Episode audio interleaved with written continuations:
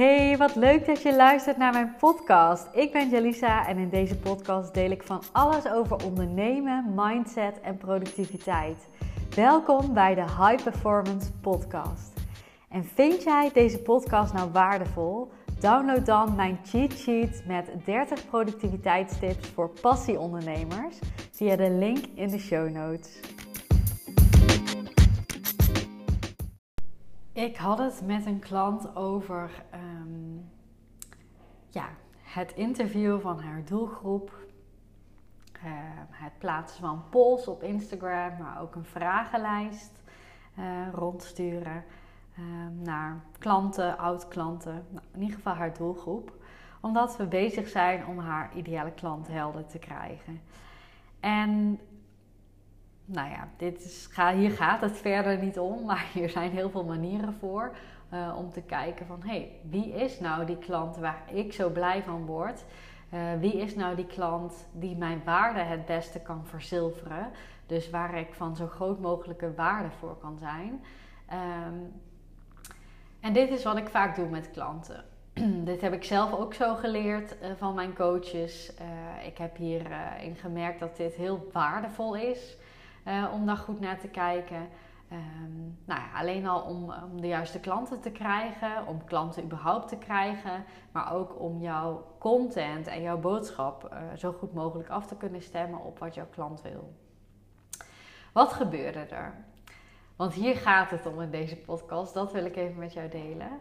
Mijn klant die gaf aan van hey, ik um, zou het op Instagram uh, posten. Dat hebben we um, afgesproken. Maar um, ik merk dat ik in DM sneller contact krijg met mensen. Dus ik kan het eigenlijk beter uh, op die manier doen.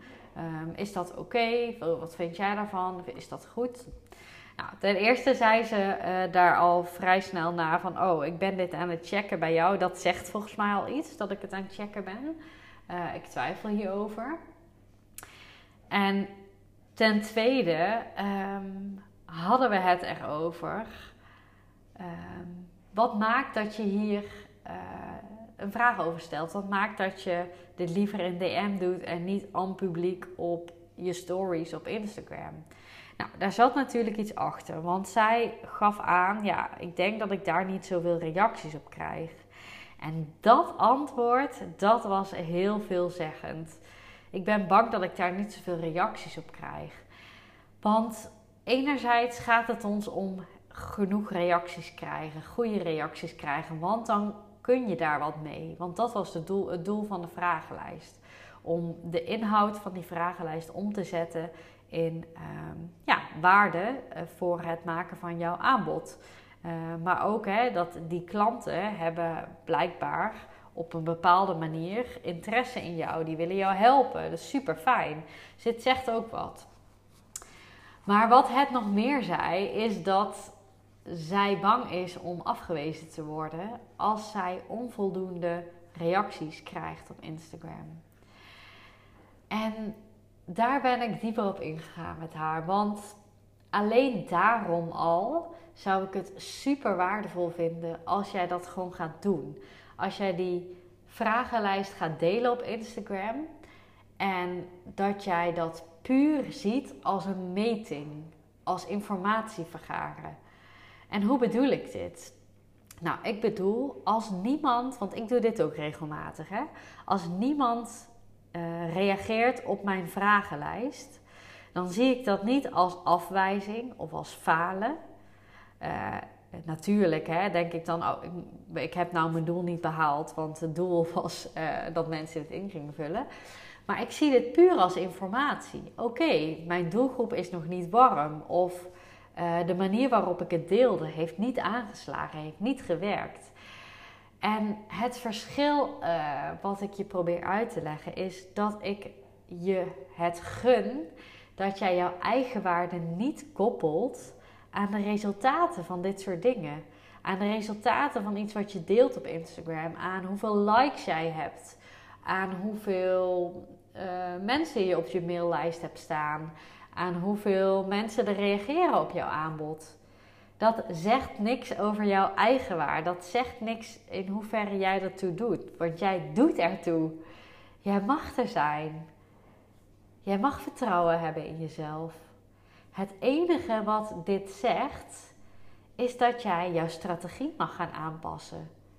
Dus wat ik probeer te doen en wat ik mijn klanten ook leer, is dat je blij mag zijn met wat voor reactie dan ook. Ofwel heel veel reacties, ofwel weinig reacties. Ook daar mag je blij mee zijn, want dit zegt dat jij een andere manier te vinden hebt om jouw ideale klant te bereiken. En als jij wel veel reacties hebt, maar niet van de ideale klanten bijvoorbeeld, dan hè, wat heb je er dan aan? Dan denk jij misschien, oh, ik zit gebakken en dit was een goede manier, dus je gaat dit vaker toepassen. Terwijl je dus niet jouw ideale klant bereikt. Of je gaat mensen in DM uitnodigen om die vragenlijst voor jou in te vullen. Kan super effectief zijn, maar dan heb je nog niet ontdekt hoe jij moeitelozer veel reacties kan krijgen op jouw vragenlijst. Ik hoop dat ik het zo een beetje goed uitleg, maar ga eens even bij jezelf na of je een dergelijke situatie kent, waarop jij zeg maar merkt, waarin jij zeg maar merkt ehm, dat je terughoudend bent. Dus eigenlijk dat je iets niet deelt terwijl je het wel zou willen delen. Uh, iets niet doet terwijl je het wel zou willen delen. Iets niet verkoopt terwijl je het wel zou willen delen. Want dat is exact hetzelfde. Hè? Stel, ik heb een, uh, een, een potentiële klant waaraan ik mijn aanbod verkoop. En die klant wijst mij af. Dat zou een reden kunnen zijn waarop ik zeg: Nou, misschien wijst hij me wel af, dus ik ga het niet verkopen. Maar Hè, en natuurlijk moet je daarover nadenken, hoe kan ik het verkopen? Maar als je niks doet, het niet gaat uitspreken, het niet gaat verkopen, dan gaat wel helemaal niemand het kopen en kun je ook nooit bijstellen. Dan kun je nooit die perfecte manier van verkopen vinden. Dus ze zeggen toch wel eens: action brings clarity. En dat is echt waar. Ga het doen, ga bewegen, ga alle uitkomsten, positief of negatief, zien als informatie.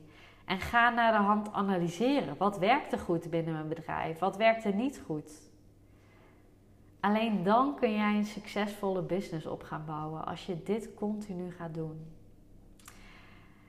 En ik wil je ook vragen om eens te gaan kijken naar een aantal van deze acties. Je kunt dit op elk vlak in je business toepassen, maar ga het eens, eens toepassen bij sales.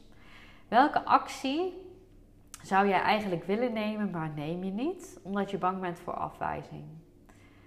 Dat is een vraag die je mag beantwoorden. En vervolgens ook, ehm, ga die actie wel uitvoeren en zeg tegen jezelf dat dit puur informatieinwinning is. Werkt het goed? Top, doorgaan, onthoud deze actie, ga die de volgende keer weer in, in uitvoeren. Want dan ga je succes hebben. Werkt deze actie niet? Ook top, want dan weet je dat dit niet de manier is en kun je weer bij gaan schaven. Het is allebei veel beter dan niks doen. En zo werkt het ook in grote succesvolle bedrijven. Ze proberen van alles en ze analyseren continu wat werkt goed. En daar gaan ze meer van doen. En daarvoor is het ook nodig dat je weet wat niet werkt. Nou, ik hoop dat je wat had aan deze aflevering. Wil je mij alsjeblieft laten weten wat jouw actie is op het gebied van sales? Want ik vind dat heel belangrijk. Want als jij succesvol wil worden, als jij een leven wil waarin jij gewoon geniet, dus niet alleen succes in je business, maar ook succesvol in je privéleven, uh, genieten van je leven, dan heb jij een bepaald omzetdoel voor ogen waarschijnlijk. Want met geld kun je nou eenmaal hè, veel meer ehm, lichtheid in je leven brengen. Je hebt geen zorgen. Dus ik gun het jou dat je ook gaat verkopen. Alleen al voor het geld, maar ook voor je vertrouwen. Want dat gaat iets doen met jouw vertrouwen. Dus deel de salesactie met mij. En als je daar nog in struggelt, DM mij ook eventjes. Want dan uh, denk ik graag met jou mee daarover. Heel erg bedankt voor het luisteren weer en tot de volgende.